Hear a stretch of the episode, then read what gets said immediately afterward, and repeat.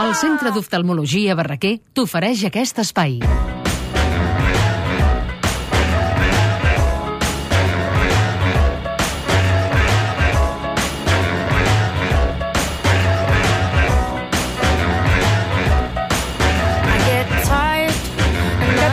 Els valencians han estat els protagonistes, Pepa. Ai, Pepa, com et veig tornar.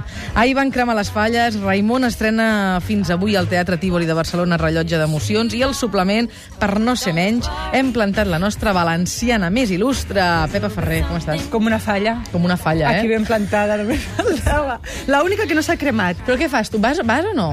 No pots, per feina no pots. Per feina no puc, però m'encanta. He de dir que m'agraden les falles i com més lluny estic, més m'agraden. Oh. Jo ahir em vaig aixecar i trobava... Clar, el dia del meu sant. Trobava a faltar... Et vam les felicitar en bandes de- antena, eh, tot sigui Les bandes de música pel carrer, els coets, les traques, les mascletaes... Perdoneu, ho trobem molt a faltar. Clar, normal, Ho trobem molt a normal. faltar. I En com fi. que tots no poden ser valencians i tindre Ja aquesta cremarem sort... alguna cosa nosaltres avui per aquí i així ho celebrem a la intimitat. Vinga, va, comencem. Comencem i comencem amb una mica de solidaritat. Era appena iniziata la primavera nella bella penisola e per Silvio Berlusconi era una giornata di merda come tante altre. La magistratura continuava a stargli alle calcagna. I tu em diràs, Silvio Berlusconi, solidaritat, no, no, tenen gaire a me veure. no. parlem parlem d'un festival de cinema solidari de Navarcles que comença aquest cap de setmana, que s'anomena Clam, i que no pot ser millor.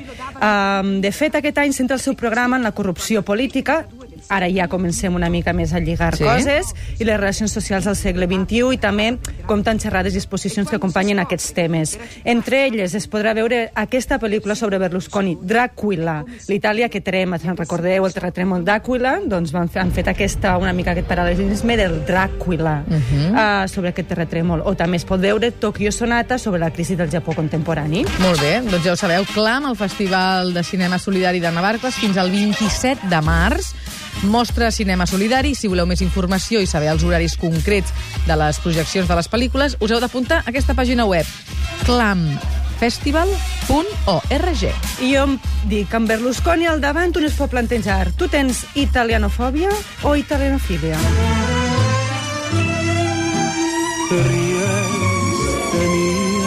Passa que Itàlia està com per damunt, no?, de Berlusconi. Si no... Esperem que sí. Sí, jo crec que sí. Esperem que sí. Per això parlem ara d'un altre cicle de ciutats i els seus escriptors que hi ha al Centre de Cultura Contemporània de Barcelona.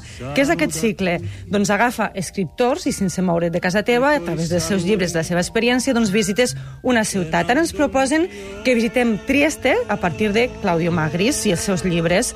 Aquesta, expo aquesta exposició té el fil conductor i el nexe amb la seva ciutat. Ja ho sabem que l'escriptor, a través dels seus llibres, com fan molts altres escriptors, doncs sempre té una mica de presentar personatges, carrers, racons de la ciutat, i una mica és el que vol mostrar també aquesta exposició. En ella doncs, podrem escoltar cançons típiques d'allà, de Trieste, seure al cafè de San Marco, entrar a la llibreria Antiquaris, passejar pel Danubi. Per què? Doncs perquè aquest senyor té un llibre molt famós que s'anomena Danubi, i veure la pel·lícula Dietro il buio, rere la foscor, a partir també del llibre de Magris, vostè ja ho entendrà. Fins al 17 de juliol podeu veure el CCCB de Barcelona, la Trieste de Magris, una manera diferent de conèixer aquesta ciutat italiana, la que ens deixa veure l'escriptor Claudio Magris. I Itàlia es menja bé, però a casa nostra... Millor!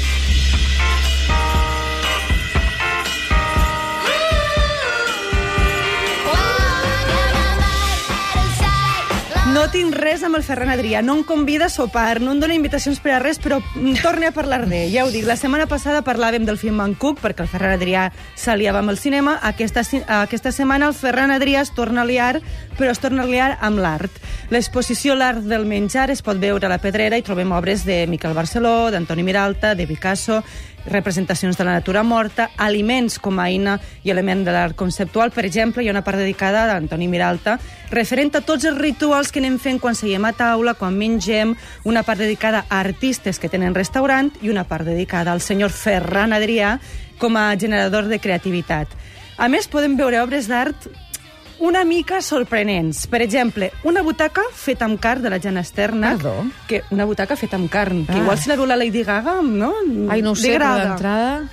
Una altra cosa que, és, que a mi em va encantar, que són uns, uns ratlladors gegants A veure... uns ratlladors gegants que són com uns, uh, uns Ah, un- paravents, molt bé, un- saps? sí, Com sí, unes uns biombús, uns biombús. Exacte, Eh? uns mampares, que no s'escolta la UAL, senyor. mampares, precioses. Aquests, ra- ens agraden més per això, aquests ratlladors. Fantàstic, i tant que sí, molt bé. Una taula de banquet on el seient és un garrot vil, aquest és una mica més escabrós, o un pot, perdó, jo som molt fina, però ho he de dir un pot de merda Ahà. de l'artista Piero Manzoni. Qui hagués dit que eres fina, eh, realment. Sí. Doncs mira, en Pere Tàpies, que és un home que està sempre a l'avantguarda, ja ha anat a veure aquesta exposició i ens l'ha recomanat encantat. molt, li ha agradat molt, i de fet ja ens ha dit tot l'equip que quan tinguem una estoneta ens hi passegem. Per tant, ja ho sabeu, fins al 26 de juny es pot visitar a la Pedrera l'art del menjar, de la natura morta a Ferran Adrià, una exposició que demostra el bon moment de creativitat perquè passa aquest gènere, que també és un art, el gastronòmic.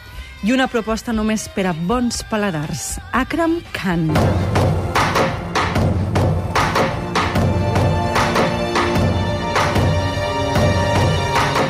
De dansa, però dansa de la que emociona, de la mà d'un coreògraf anglès d'origen indi, Akram Khan, que per allà on passa, de veritat, de veritat, que la gent es queda, f- mm, anava a dir flipada, puc dir-ho? Sí, digue que no ens escolta. ja ho saps que sou molt fina. De fet, torna al Mercat de les Flors amb un espectacle que s'anomena Vertical Road, però que ell vol parlar d'una cosa molt diferent, que és el que ell anomena el corrent horitzontal. I què és això del corrent horitzontal? Les presses, doncs aquest dia a dia que portem, que no ens dona mai temps per prendre un cafè amb un amic, per relaxar-nos, doncs ells tot això ho critica, i ho critica d'una manera molt estètica. Posa uns, uh, uns ballarins vestits de blanc a sobre de l'escenari, una atmosfera màgica, aquests ballarins sembla que es converteixen en àngels, i amb tot això ell diu que contra aquest món tan ràpid, contra aquesta corrent horitzontal, ell proposa una de vertical, que és un punt on es troben totes les religions, tota l'espirituali- espiritualitat, que és aquest vertical road. Doncs el Mercat de les Flors presenta aquest perdó, Vertical Road del coreògraf Akram Khan, un espectacle de dansa per emocionar-se i gaudir de la vida a poc a poc. Atenció, que aneu d'anar ràpid, perquè avui és l'últim dia. I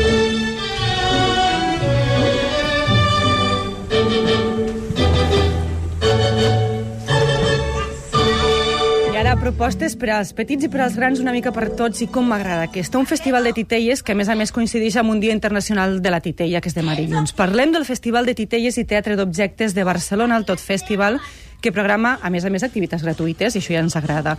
Un dels espectacles que presenta és eh, d'una companyia de casa nostra, Produccions Essencials, i s'anomena Cinc contes diferents. Què passa en aquest espectacle? Són cinc electrodomèstics que es transformen en titelles. Un és una làmpara cega, l'altre és una cafetera amb síndrome de Down, l'altre és un ventilador amb paràlisi cerebral, l'altre és un violí sord, l'altre és un Philips, una, una pantalla de televisor, autista. Són una família ben particular. També n'hi ha espectacles d'òpera, d'òpera feta a titelles de la companyia Bambalina Teatre Practicable, que ja ve avalada amb una menció especial del jurat del Festival de Titelles de Lleida. I a més, aquest any hi ha ca- 12 companyies que s'inclouen per primera vegada en una cosa que s'anomena Tot Off a l'aire lliure, on hi haurà cercaviles, tallers en família de construcció, per a la família de, construcció de titelles i debats entre els professionals. Ja sabeu que la Pepa sempre porta propostes que són diferents, eh? que són un punt, un punt especial. I, que, no, no, I que estan molt i molt bé, per això anava a dir, eh? Jo aquest, aquest espectacle de titelles, mm, de famílies diferents, que es presentes als nens amb, amb aquesta gràcia, ho trobo preciós per als pares i per als nens. Per tant, animem a tothom a anar a veure aquest festival de titelles i teatre d'objectes de Barcelona, per on passaran més de 12 companyies fins al 27 de març i que inclou per primera vegada un tot-off a l'aire lliure amb cercaviles o tallers de titelles al poble espanyol. I si no, Déu meu. Santissó, calma. Ah, espera, és perquè sí. Això és la següent proposta. Si no us agraden les titelles, podem intentar ser dinosaure o ser meteoròleg. Anem al Cosmo Caixa, aquí podem anar tots junts, ja ho sabeu, com sempre, on la festa de la meteorologia celebra també el Dia Internacional avui dedicat a aquesta matèria.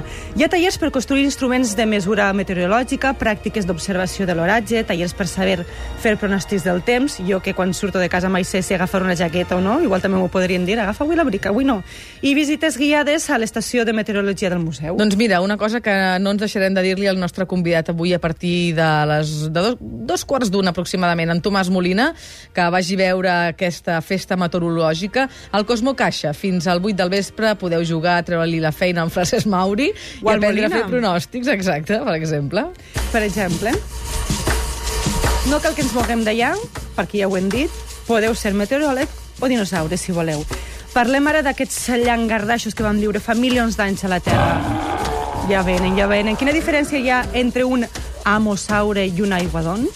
No ho sé. No ho sé. Sabíeu que un eoraptor és el dinosaure més primitiu que s'ha trobat? No, això no ho sabia, So- veus? T'has trobat mai un dinosaure pel carrer? Sí. Veus? Que és el que tens?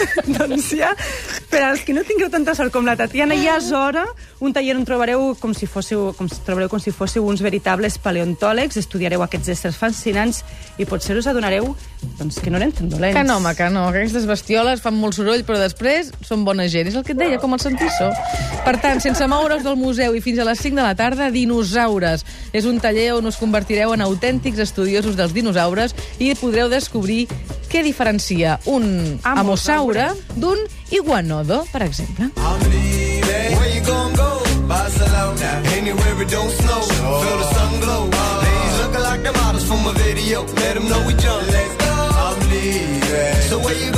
Barcelona. Anywhere it don't snow. Feel the sun glow. I allò que de casa de fora vingueren, que de casa ens tragueren. Doncs una artista nord-americana va arribar a Barcelona i durant diversos mesos va anar visitant diferents barris de la ciutat. Amb tot això que ha fet, ha creat 10 assajos on ens presenta els descobriments que hi va fer, els llocs i les connexions entre ells, la rumorologia de cada espai, que de vegades nosaltres no ens en sabentem, però hi ha molts rumors entre la ciutat que hem Si, assumit com pa, a si propis. això passa aquí, entre la planta primera i la tercera, com no ha de passar a Barcelona? Sí, i entre el lavabo i el mostrador. Passa, passa.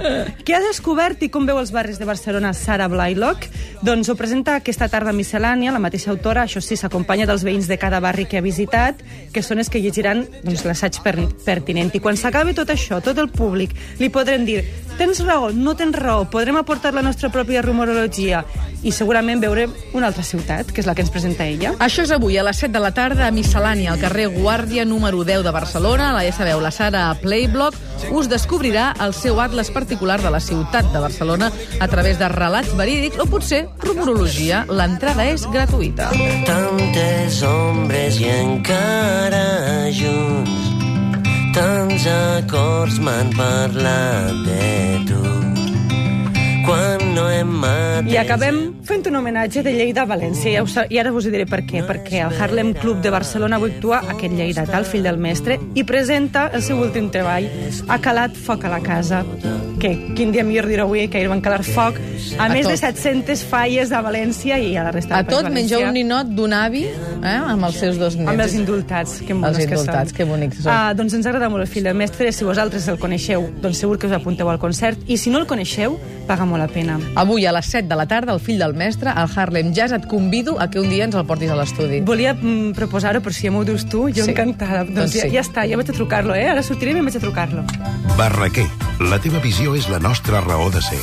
La cirurgia refractiva. Miopia, hipermetropia i o astigmatisme són defectes de la refracció ocular. En l'actualitat, disposem de tècniques quirúrgiques que corregeixen aquests defectes d'una forma definitiva. Podem operar amb làser les miopies menors de 10 i les hipermetropies i astigmatismes de fins a 5. En d'altres casos, està indicat implantar una lent intraocular, LIO. Unitat de cirurgia refractiva. Centre d'oftalmologia Barraquer. www.barraquer.com Amb un diagnòstic precoç i som a temps.